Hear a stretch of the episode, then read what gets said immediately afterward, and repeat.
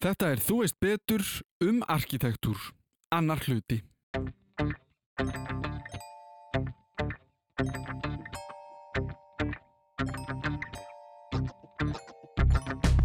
Það er alltaf tíska í, Mm. í öllu, Já. já, já, líka í húsagerð. Það er ekkert þetta að líta fram hjá því, hún er ekkert ný. Það er að vinna með einhverja sögu og þeir eru að breyta henni, þeir eru að taka, bæta við einni blaðsíðu í, í bóksöguna með því sem þeir eru að gera. Í síðasta þætti byrjum við að fara yfir arkitektúr og tækluðum þá söguna, en það er af nógu að taka þar. Í þættinum í dag ætlum við að færa okkur yfir í nútíman, hvernig arkitektar í dag vinna. Við töluðum um barokk og endurreistina til dæmis í síðasta þætti sem byggingarstíla sem hafa verið vinsælir í gegnum tíðina. En hvað ætli sér ráðandi á okkar tímum? Við förum einnig aðeins í framtíðina og hvernig hún geti verið, en við byrjum á spurningunum um arkitektúr í dag og hvernig hann er í samingi við fortíðina. Eins og síðast þá er það Pétur H. Ármannsson, arkitekt sem situr fyrir svörum og fræður okkur um efnið.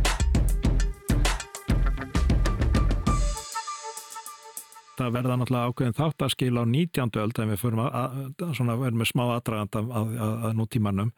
Það er náttúrulega yðnbyltingin sem breytir öllu í sambandi við húsagerð. Þá koma til sögunar alveg ný efni og nýjar tæknilausnir, stál, eh, kristalsöllin í, í, í, í, London á heimsýningunni 1850 sem bara var opimberun að byggja svona rísa byggingu úr stáli og gleri og eh, við erum með byggingu hérna niður á Hafnabakka sem heitir Harpa sem er byggð úr stáli og gleri. Það er þetta svona tengja hana við kristalsöllin í London 100, 200 árum eða 150 árum fyrr. Og svo kemur steinsteipan og steinsteipan hún skiptir svo miklu máli fyrir Ísland, íslenskan arkitektur vegna þess að sko steinhöggið sem að maður voru að gera tilraunni með að nota íslenskan stein og hlaða byggingar úr, úr, úr, úr steini eins og alþingishúsið Það sem er þá basalt eða hvað? Já, það er basaltstein en Sem er samt ekki góður steinn til þess að byggja. Nei, hann, það er erfitt að vinna hann, hann, er erfitt að höggva hann til, hann, er, hann, hann springur, svo, svo veðrast hann, og, hann, gleipir í sér raka, þannig að hann veðrast, það þarf eiginlega að verja hann, þannig að hann og var ofbúslega dýr, ég menna þetta var mjög dýr aðferð, þess vegna, þe- þannig að þegar steinsbann kemur, þá allt í nú að komið efni til þess að byggja steinbyggingar sem að uh, voru eldtrustar ef þeir voru rétt byggðar sem að uh, ef það voru með játnabindingu þá þóldu þeir jarðskjálta þannig að, þannig að þetta var algjör þarna loksins var komið þetta, þetta henduga efni sem að gerði Íslendingum í rauninni kleift að, byrja að byggja hús og borgir og bæi eins og aðra þjóðir. Hvenar er það? það er sko fyrstu elsta steipuhúsi í Reykjavík er, sem er hérna Baronsfjósið svo kallaða, það er sem 10-11 búðin er við hodnin á hverfiskött og Baronstík, það er elsta steipuhúsi í Reykjavík byggt rétt fyrir aldamóti 1900 el- svo, svo rísu hús svo eru til hús frá íbúðarhús frá 1902-1903 en eftir eh, eiginlega strömmkörfin verða nú eftir 1915 því að þá var Það var mikil brun í miðbænum 1915 og eftir þennan bruna þá var eiginlega eh, byggingareglum í Reykjavík breytt þannig að það má- varð að byggja allar byggingar í þéttri byggð úr steini annarkor steinhlaðin eða steinsteift og eftir það þá byrja það sem að menna á stundu kalla steinsteipu öldin það sem enn fór að byggja þá var bara allt inn Íslendinga bara hætt að byggja úr timbri og fór að byggja og, og öðrum efnum og fór að bara byggja allt úr steinsteipu og, og það má segja að þessi steinstöpu öll, hún standi enn þann dag í dag ef við erum að, ef við erum að horfa þetta svona í stóru tímaperspektífi. Mm. Nú síðan er upp, fyrstu kynsl, fyrsta kynslu og steipubyggingarna þær voru svona eh, hannaðar undir áhrifum af, af klassískum stílgerðum, svona svolítið eins og 19. öld, en svo eftir 19, svo 1930 þá kemur þessi nýja stefna, móternismin eða funksjonalismin og uh, það má alveg segja það að hún hafi svona með vissum, vissum tilbreyðum verið, verið ráðandi stefna í ar arkitektur alla tíð síðan. Og hvernig er módernismi frábrúðin? Hvað gerir módernismi sem að enduristnin eða klassíkin eða eitthvað var ekki að gera? Um, Kanski grundvallamurinn sá að hann er náttúrulega gekk út á það að um, nýta sér þær tækni nýjungar sem að yðnbyltingin hafði kynnti sögunar steinsteipu tæknina sem gerði munum kreift að byggja hús uh, sko, sem að voru ekki lengur með þykkum burðarvekkjum Það var hægt að byggja, byggja hús sem voru bara súlur og, og loftaplötur og svo framhliðin þessna verið úr gleri. Þetta var óhugsandi í, í, í, með, með, með gömlu steinlegslu tækninni. Og samátti náttúrulega við um stál sem að gerði mannum kleft að byggja miklu lengri höf í byggingum og, og, og sem er hvað fyrir ekki? Það er þess að miklu, þú kannst haft eh, stóra sali á þess að væri neina burðarsúlur inn í miðjunni, mm. kannski hægt að útskýra það þannig. Þetta voru efnis eigileika sem að, að stálgat leist en, en var ekki hægt að gera í, í timbri og svo náttúrulega þó að það verði ekki byggði skíakljúar hérna á Íslandi þá voru náttúrulega í bandaríkjum stá, uppgötun stálsins og notkun stálsins í, í, í, að byggja, byggja margra hæða hús, hún er náttúrulega það sem gerði mannum kleift að reysa skíakljúfa því að það er bara, það eru takmörk fyrir því hvað þú getur byggt hátt hús úr steini og steinsteiput ef þú ætlar að fara yfir, ég man ekki hvað mörkin eru hmm. 20-30 hæðir þá verður að byggja úr stáli. Og kannski einspurning bara því þú nefndir skíakljúra hljúa eins og þessir í New York og Dubai og það sem við sjáum sem eru bara, er það bara stál sem lætur þetta standa uppi? E, já, ég hugsaði það kunna vera, kunna vera eitthvað, getur hann ekki bara dottið framfyrir Nei, það er nefnilega stálið er, er, er, hefur frábæra eiginleika hvað þetta varðar. Það er hægt að, er hægt að sko, búa til mjög sterkagrind og það er svolítið af því að stálið er tildulega létt. Þetta byggist alltaf því að, að, að hérna, byggingin sé létt og sterk og geti tekið alla þessa krafta En svo er náttúrulega líka uppgötun liftunar á 19. öld, hún í Chicago, hún, hún gerði náttúrulega kleift að byggja nýta hæðina í húsunum. En, en, það, okay, en það að vera, en það læra að vera arkitekt í dag, hvernig er þetta í dag þegar þú útskast sem arkitekt eða fer að vilt vinna sem arkitekt eða hvernig sem það er, er það meira að fara út í þá bara einhver svona fagurfræðilegt að kenna bara, já, list menn læra náttúrulega alla þessa þá, þá komum aftur að þessu þessum grunn þáttum sem að það er náttúrulega með notagildi tæknina og fagufræðina og náttúrulega í arkitektarnámi þá þurfa að menna að kynna sér mjög marga hluti. Arkitektar þurfa að vera, að segja maður þeir þurfa að hafa svona skilning og kannski svona yfirbórslega þekking og á mjög mörgu þeir þurfa að geta sett sig inn í, þeir þurfa, þeir þurfa náttúrulega svo náttúrulega, e, þeir þurfa að þekkin á borgarskipulag og hvaða lögmál móta borgir, þeir þurfa að þekkin á tæk, allt sem við kemur tækninni, tæknilega innviði, byggingatækni, e, þeir þurfa að e, hafa innsægi yfir inn í sko manneskuna, sálræna þátti, atverðlisfræðilega þætti, og síðan náttúrulega til þess, að, til þess að það sem að þeirra viðfángsefni kannski er, er mjög mikið það að smíða svona samþætta laust eða sem að segir svona synthetic. Þú þarf að taka þar út með okkur viðfángsefni það eru okkur staður, okkur lóð. Þú ætti að reysa hús þá að vera svo sem er kerbergi þau að þjóna þessum tilgangi. Svo er það veður og vindar og sól lagnir, alls konar hlutir og þú sem arkitekt þarf að, að sko, einhvern veginn ímynda þér hvernig get ég búið til samhæfða, flotta, sannfærandi laust sem að felur í sér sko uh, viðbröð eða svar við öllum þessum spurningum sem að einhvern veginn blas ekki augljóslega við. Þú getur einhvern veginn ekki bara prógramera þetta í tölvu því að það er svo margt sem kemur inn í og, og svo koma inn í menningalegir þættir eða spurningum hvað er viðega. Ég myndi segja sko eitt af því mikilvægast að við að vera arkitekt er spurningin um hvað er viðegandi í hverju þessum stað. Ætti að teikna hérna, byggingu, nýja byggingu inn í gamla bæin, er ég að gera einhverja byggingu sem að sko öskrar og vegfarandans, hér er ég, sjáðu hver teiknaði mig, eða er þetta bara bygging sem er bara opbóstlega, bara passar inn í, lætu lítið yfir sér, ég meina þú getur spilað, þú getur hérna Þetta er bara eins og í tónlist sko, þú getur tekið trommusólo eða þú getur líka spila lítið lag á flöytu mm -hmm. og það er þessi blæbriði, alveg eins og í öðru, þá kemur listin kannski inn, hún, hún snýst kannski voðalega mikið bara um það hvað viðkomandi höfundi finnst vera rétta svarið á hverjum, hverjum stað, því allt sem að er arkitektar er að hanna er í einhverjum konar samhengi. Þeir eru að vinna með einhvern stað, þeir eru að vinna með einhverja sögu og þeir eru að breyta henni, þeir eru að taka, bæta við einni blaðsíðu í, í bóksöguna með því sem þeir eru að gera. Það hvernig mann gera byggingarnar, til dæmis hvernig mann tekna viðbyggingar og eldri hús, það segir mann rosalega mikið um það bara viðþór þeirra til byggingalistar samfélagsins og hérna... Og sjálfsins. Já, já, sjálfsins, mm. já.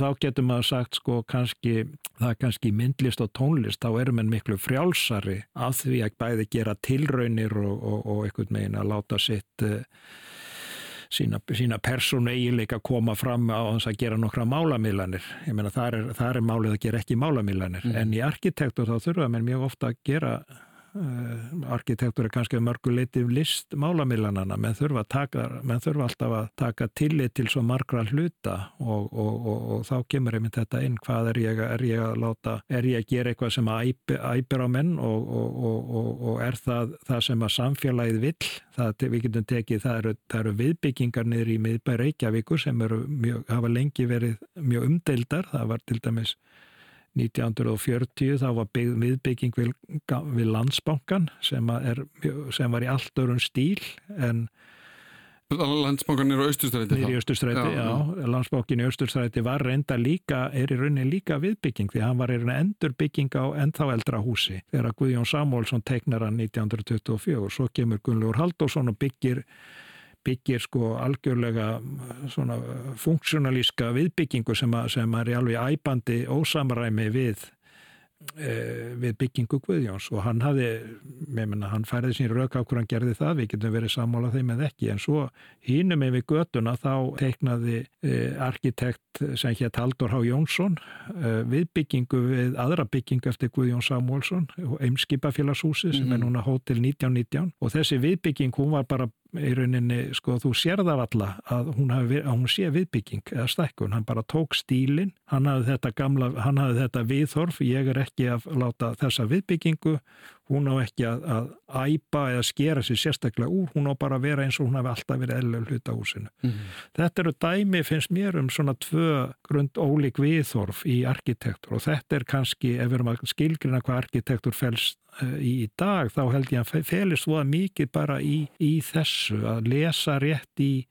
umhverfi, það er enginn eitt stíl ríkjandi eða ráðandi en, en það er kannski svona, eða, eða það er að segja sko, menn það er bara það, hva, það hva, hvaða útlitt menn velja á byggingarna, það ræðst þú alveg mikið af því sko bara hvað er, hvað er viðfóðsefni á hverju staðurinn. En samt sem áður þá er náttúrulega ákveðin formhugsun alltaf sem að menn tilenga sér og læra og hún er í grunninn náttúrulega byggir, hún sækir mjög mikið í móternismann og þá reynslu alveg eins og klassíkin var svona samsöfnu reynsla margra kynslu og þá var náttúrulega komin síðan 1920-30 þá var náttúrulega móternismin gengið gegnum nokkra kynsluður og það er ákveðin svona formprinsíp sem að, og, sem að eiga sér tæknilega rætur sem að sem að menn, og form, formlausnir sem að menn, menn nota gerðnan. Mm og að því ég ætla, ég var að pæli að þú nefndir sko, þú, þú nefndir eins og bara neyra í austursætti er ekki skrítið að þú sért með hús sem eru svona, bara þau eru á móti hvort öðru, en það er engin heldar ákverðin um hvernig hverfið eigi að líti út? Að það er nánast eins og þú sért með bara 20 mismundi einstaklega í, í, í matabóði Er einhver heildarmynd sem er ákveðin þá af yfirvaldinu líklegast eða er þetta bara allt í raun frjálst ef þú átt land einhver staðar þá máttu byggja hvernig hús en þú vilt? Já þá eru við komin svolítið út í spurninguna um, um, um sko, stjórnmál og pólitík og mm. vald hvernig það, það þarf til þess að stýra allri uppbyggingu á helli borg til dæmis í einhverja eina átt þá þarftu gríðalega mikið vald og það, maður, maður sér það til dæmis ef maður ber saman París og London. Sko í Fraklandi þá er þessi margra alda hefð fyrir mjög sterku miðstýrðu valdi sem er ekki hluti af, af breskri menningu Vegna er London í eðli sínu gjör, í, í, í London er að hluta til, sko, það eru stóra hlutar á London sem er í eigu einhverja, einhverja aðalsfjölskyldna sem eru búin að vera svo í margar aldir og sem að fá bara leigutekjur að því að leia landið eða, eða húsin sem er eiga mm. og þar er engin kongurinn hefur ekkert um það að segja. London er í rauninni eins og mörg lítil þorp sem var runnið saman í svona eina heilda meðan að hérna París er svona sko hún, hún endur, þar er gríðalega strángar byggingareglugerðir, reglur um hæðir húsa, búin að vera í margar aldir og, og, og 19. öld sérstaklega þá var bara, í rauninni bara ákveðin forskrift um hvernig hús sem var venjuleg hús við borgargötur átt að líta út og, og síðan ákveðum en að byggja breyðgötur og riðja þær í gegnum gömul hverfi til að gera borgina fallera og konúshöllin, einhvern veginn lúfrhöllin í miðjunni, sigubógin og þessar breyðgötur þetta svon slíkum uh, framkvæmdum náminn ekki sem er í löndum það sem er mjög stert miðstjórnarvald. Þannig, sem hefur kannski ekki verið hér Nei, sem er bara ekki hérna sko og þú þart að hafa ákveði regluverk og hér á, hér á landi hefur kannski skipulags uh, Íslendingar hafa nú aldrei verið, það er nú ekki beint í menningu Íslendingar vera, vera góðir að skipulegja að hugsa svona fram í tíman En það áseg kannski líka ákveðna skýringar sem er það að við náttúrulega bara, við vitum bara aldrei hvað gerist í næsta mánuði sko. Það getur komið óveður eða eldgós eða skrýða all, eða, eða efnahagsrun mm. og þannig að við, það er svo erfitt að það er kannski, Íslandingum er kannski pínliti vorkun því að það er svo margt sem að e, er breytingum háð mm. sem er kannski öðruvísi í löndum þar sem menn er ekki með, með svona þess að náttúruöflin er ekki að spila inn í á sama hátt. Því það er kannski það sem, það sem trublar mig helst sko við, af því ég, ég meina, er ekki almennt tali þá er París frekar falleg borg, er það ekki svona hefði almenna álit? Jú, jú, það er mjög, mjög marga, álit mjög margra, hún sé það. En, en þess vegna pæli sko í að, að mér líður þess að það sé heildarmynd, það sé einhver svona svona heldar pæling en mér líður oft sko eins og ef ég stend upp í toppnum á Hallgrímskirkju að þá eru sömur hlutir, söm hverfi eða eitthvað er kannski pælt í eða búið að pæli eða skipulegja en aðrir eru kannski meira bara að blandi póka. Já, já, það er alveg rétt og það fer líka eftir í, sko, ef þú horfir, í, horfir úr törni Hallgrímskirkju um, í næsta nákrenni þá ertu með mjög ólík hverfi, þú ert með hverfi sem er fyrir e, njálskötu, grettiskötu, það sem að, sem að byggðist í rauninni fyrir tíma bæjarskipulags svo þú horfir í söður og horfir yfir, yfir þarna freyjögötu og fjölnisveg og laufásveg og það hverfi þar, þar er allt miklu skipulagðara. Enda var þá komið til sögunar fyrsta heildaskipla Reykjavíkur sem var nú fyllt nokkuð nákvæmlega. Mm -hmm. og það var þannig að sko En það hefur það hverfið, þú nefnir það, það hefur heildar mynd Já, það hefur það og þá var náttúrulega á þenn tíma þá var sko nýbúið að setja fyrstu skipalaslög á Íslandi og um, það var svona þrýeiki þrýeiki sem, sem að voru hérna Guðjón Samuelsson, Geir Sóega vegamálastjóri og Guðmundur Hannesson læknir og professor. Mm. Þessir þrýr menn voru í skipalasnemdini uh, skipalasnemd ríkisins og þeir uh, eiginlega gerðu skipalas uppdrætti fyrir alla helstu bæir uh, landsins, þar með tali Reykjavík og, og reyndar ekki Guðmundur Hannesson því að út af pólitík var hann var ekki með í Reykjavíkur skipulæginu en, en þeir, þessi menn höfðu mjög eða Guðjón og Hannes höfðu mjög, Guðmundur Hannesson höfðu mjög skýra hugmyndafræði mm -hmm. Sem að byggða á ákveðnum erlendum ströymum því sem var talið nýjast og best á þeim tíma í skipulægi borga í Evrópu og þeir voru innlitu þetta á hér á landi og bara komu voru í raunin að leggja grunninn að einhver alveg nýju. Mm -hmm borgar eh, hugmyndinu um að reysa skipulega og fallega bæi og það var eiginlega sko það sem knúði til dæmis Guðjón Samuelsson áfram var hugsunin um að hann dreymd um það að Reykjavík og, og, og aðri bæir á Íslandi getur bara orðið eins og helst eftir listaverk ef það væri, næ, ef það væri nægilega vel haldið utanum um, hinn að nýju uppbyggingu sem þá var eiga sér stað. Sem gerðist síðan ekki? Já, sem gerðist svona í, í brotakendri mynd mm -hmm. og það er nú oft hannig að einn kynslu, hún hefur ákveðna hugssjón og er að stefni í einhver ákveðna átt með ákveðna drauma og, og hugmyndur um hvernig á að leysa hlutina. Um, um 1960 þá dremdi menn um að Reykjavík er því ofsalega nútímaleg bílaborg með verslunamiðstöðum og innaðakverfum og íbúðakverfum aðgreind og, og, og þá voru menn að hugsa um að byggja nýja nýjan miðbæ hérna í kringlunni e, nú, nú vera e, ef við förum stökkum inn í nútíman þá finnst mönnum þessar hugmyndir vera algjörlega hérna out of date mm -hmm. nú vorum við að tala um alltara hlutir að tala um að byggja þétt, byggja blandað, uh, nota almenningssamgöngu, skipulegja borgina þannig að dreyja sig og vægi enga bílsins. Þannig að svona geta hlutinni bara breyst með tveimur, þreimur kynsluðum. En gera þeir það líka í löndunum í kringum okkur að því að ég er að pæli sko hvort að smæð okkar að því að ég talaði hérna um stjórnarskrána sem dæmi og þá töluðum við líkum þessi svona, svona við rættum að eins og núna er talað um að fá nýja stjórnarskrá og þá eru kannski sumir sem eru eitthvað svona já við viljum þetta og þetta, þetta. En síðan hugsaum við að eftir 20 ár þá er komin eitthvað allt annar, allt annar stemning. Þannig að þá viljum við kannski ekki þetta. Er, gerir smæð okkar það verkum að við erum svona áhrifakjörn eða ef við getum kallaða það eða er þetta sama saga ef við tökum bara Norðurlöndin eða menna, París eða hafa þau alltaf bara haldið sig við einhverju svona og svona kannski svona tvíka það ef við getum orðað þannig? Já sko þessar ná maður kannski segja þessar þjóðir þær búa því að, að, að það er svona rótgróin menning í sambandi við til dæmis borgarskipulag og, og arkitektúr og, og, og hérna ákveðin hefð en, en sem, að, sem að hefur til dæmis mótað svona regluverk og stjórnsíslu í kringum það hvernig byggt er sem er kannski miklu vanþróara hér á landi. En það segir það nú ekki að það þýðir kannski ekki að þess að þjóðir séu alltaf að fylgja hefðinni því það eru líka að gera, það eru með líka að gera uppreist gegninni mm -hmm og þannig að það verða viðhórsbreytingar og, og, og kollsteipur þar alveg eins og hérna En kannski ekki algjör umvörpun á kerfinu? Nei, nei, nei það er kannski að því kannski að, að, að regla svona þar ákveðin festa sem að, sem að snýra lögjöf og, og reglugerðum og stjórnsýslu sem að kannski gerir það verkum að hlutinir eru og náttúrulega bara starri, starri pottur, starri meiri umsvið, meiri, meiri fagþekking sem gerir það verkum að menn, menn hérna að sko hlutinir kannski virka svona meira í fastari skorðum. Ég held að snúi sé aðalega kannski það sem snýrað stjórnsýslu þætti mm -hmm en við höfum samt sem áður sko, við höfum fína spretti svona eins og íþróttunum mm -hmm. við höfum átt, átt okkar góðu tímabil við höfum átt þrátt verið þennan stutta tíma þá höfum átt við, og höfum átt mjög flotta arkitekta mm -hmm.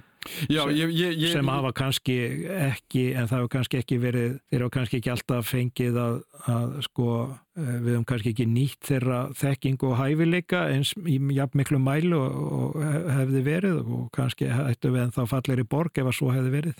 Já, ég vil taka fram sko, ég vil ekki vera neikvæður gagvart einhvern veginn okkar byggingum á því en mér bara hefur átt fundist af því að ég er búið í Reykjavík svo lengi að hún sé einhvern veginn handófskendari en margar aðra borgir eða bæir sem að kemur til í útlöndum Já, og það tröflaði mig en það tröflaði kannski engan annan Jú, það tröflaði mjög marga sem kominga sko, mm. þegar að hérna, finski arkitektina Alvar Alto kom hérna á sjönda áratögnum til að teikna Norrannahúsið og sá Reykjavík í fyrsta sinn þá hafði hann orðið, hann hefði aldrei séð borg sem var svona mikið sundur, svona sundur, sundur leit og, og svona ekkert samræmi það er bara það sem þú ert að lýsa sko. mm. þannig að það, þannig blasti Reykjavík við manni sem var, sem var, hérna, sem var fættur og uppalinn í Finnlandi þar sem að hlutinir eru miklu fastari skorðum og lengri hefði náttúrulega í húsagerð og skipulagi bæja. Um, þannig að eh, svo er það sko sumir hafa nú, sumir hafa nú sagt að uh, Já, kannski er, kannski er þessi sundurgerð eitthvað sem er bara enginni Reykjavíkur, kannski er hún bara, og þá er mér kannski að tala um gamla bæin sem að, en, en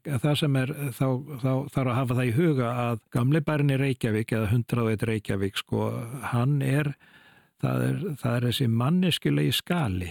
Byggingarnar eru frekar littlar, Það er þessi litlu fallegu timburhús innanum steinhúsin þó að sé stundum skrítnar gödumyndir þar sem búið er að byggja steinhús innanum kannski rauða timburhúsum og, og maður skilur ekki alveg af hverju þetta er en, en hérna það á sér sína sögulegu skýringar. En svo er kannski, svo við förum, meira, við förum yfir í borgartúnið sem er kannski nær okkur í tíma um, þá hef ég stundum sagt að sko mjög borgartúnið vera eins og sko ok, það eru, það eru fullt af byggingum þar, ágættar byggingar sem eru sko hverum sig, ekkert ljótar endilega, nútímalegar og, og lagðu mikil metnaður og peningur í þar en það er, það myndinga heild, það eru einhvern veginn að flækjast hver fyrir annari, þetta er svolítið eins og vera með hérna bara góða hljóðfærarleikara en þeir eru, sko það er engin hljómsveitastjóru og þeir eru allir að spila sitt hvort tónverkið. Mm -hmm. Það er eitthvað svona kakofónia sko, þannig að það er eiginlega Reykjavík er svolítið það að vantar svolítið hljómsveitastjóran.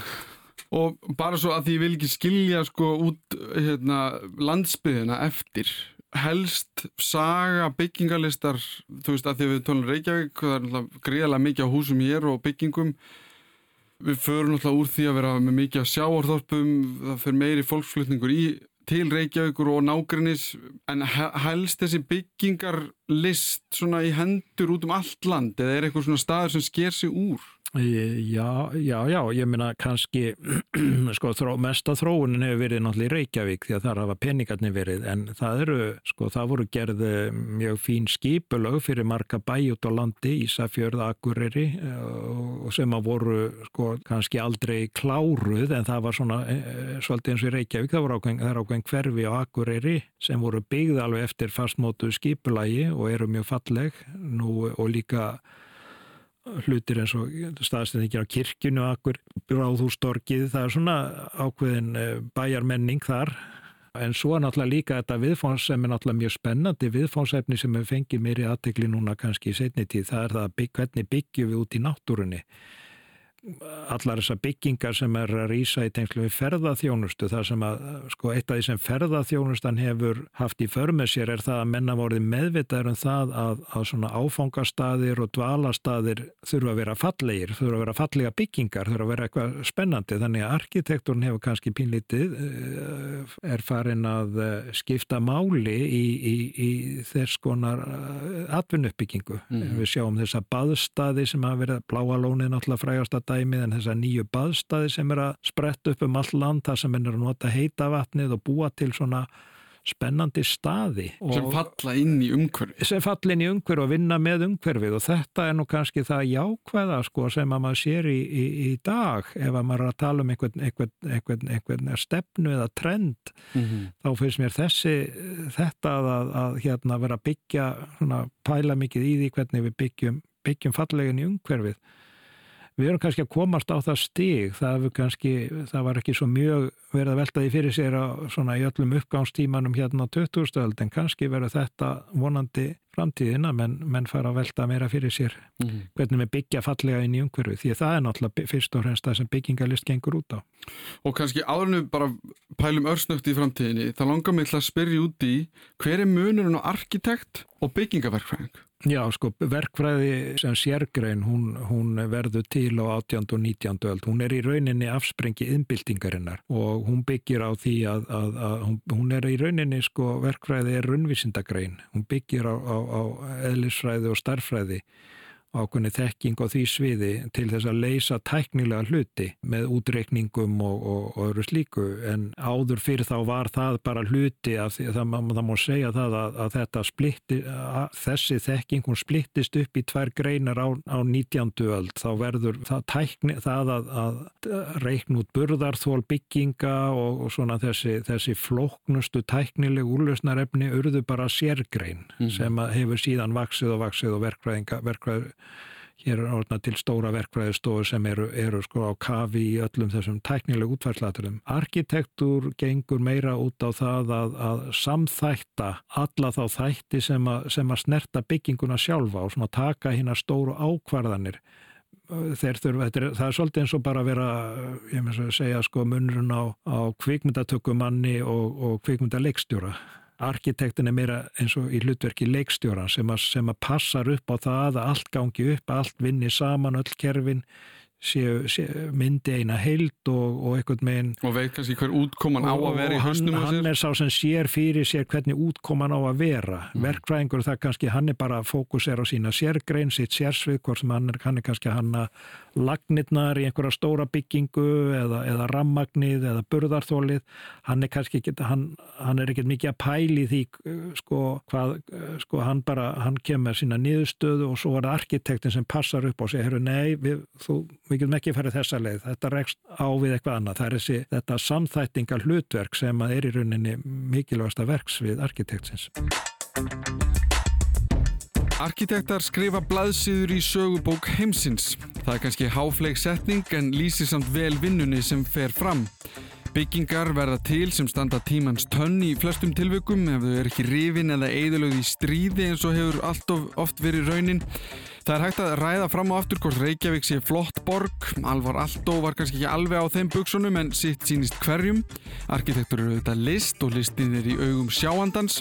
Það er því erfitt að halda því fram að eitthvað sé rétt eða ránt útlítandi. En þetta er hálf ís til að standa á svo ég læt staðarnumið hér. Modernismi tók við og byltingar í byggingarefnum og tækni gjörbreyttu því hvernig byggingar gáttu verið reistar. Allt í einu var hægt að búa til eitthvað sem hafði ekki einu sinni verið hugmynd einu sinni. Fáum hefði dottið í hug fyrir 50 árum að stinga upp á því að búa til tónleikahöll við sjóin mestmægnis byggða úr gleri og hjárni. Það var bara ekki möguleiki. En ef við förum örsnögt yfir framtíðina, hvernig sjáum við hana fyrir okkur? Hvaða áskoranir sjáum við fyrir okkur í framtíðinni? Já, sko, það eru náttúrulega á, á hverjum tíma eru, eru svona alltaf stórar áskoranir.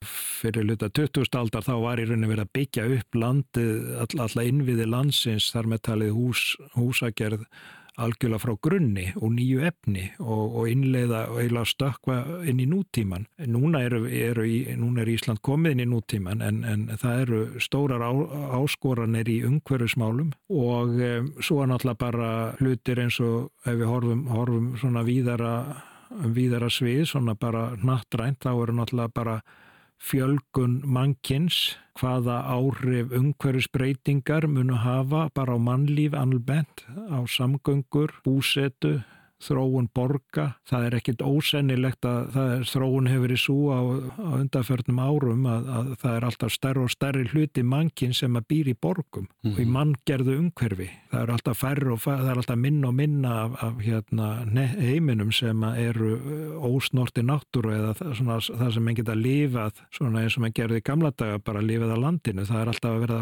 þrengra og þrengra um það. Það er verið að þrengja náttúrunni og, og við vitum það eru gríðala stórar áskoranir eh, sem að blasa við núna og það er kannski svolítið erfitt að ráða í framtíðina. En það besta sem en geta gert er náttúrulega bara að vera að vanda sig og, og, og taka skinsamlegur og vel upplýstar ákvarðanir á hverjum tíma og svo verður þannig að þeir búi til góðan jarðveg fyrir næstu kynslu sem tekur úr keflinu. En er einhvern tíska sem þú sér fyrir? Það er alltaf tíska í, mm. í öllu, já. já, já, líka í húsagerð. Það já. er ekkert þetta að líta fram hjá því, hún er ekkert ný.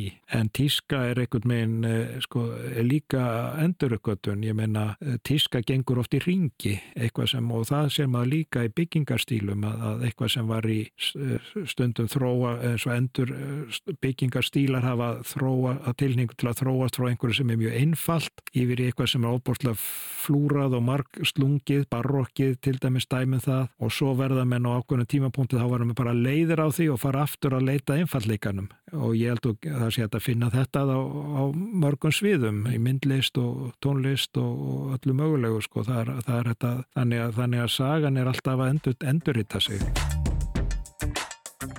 Þá höfum við farið yfir arkitektúr, sögu, nútíð og framtíð og ættum því að vera full færum að ganga um hverjum okkur og dæma hvert hús sem við göngum framhjá.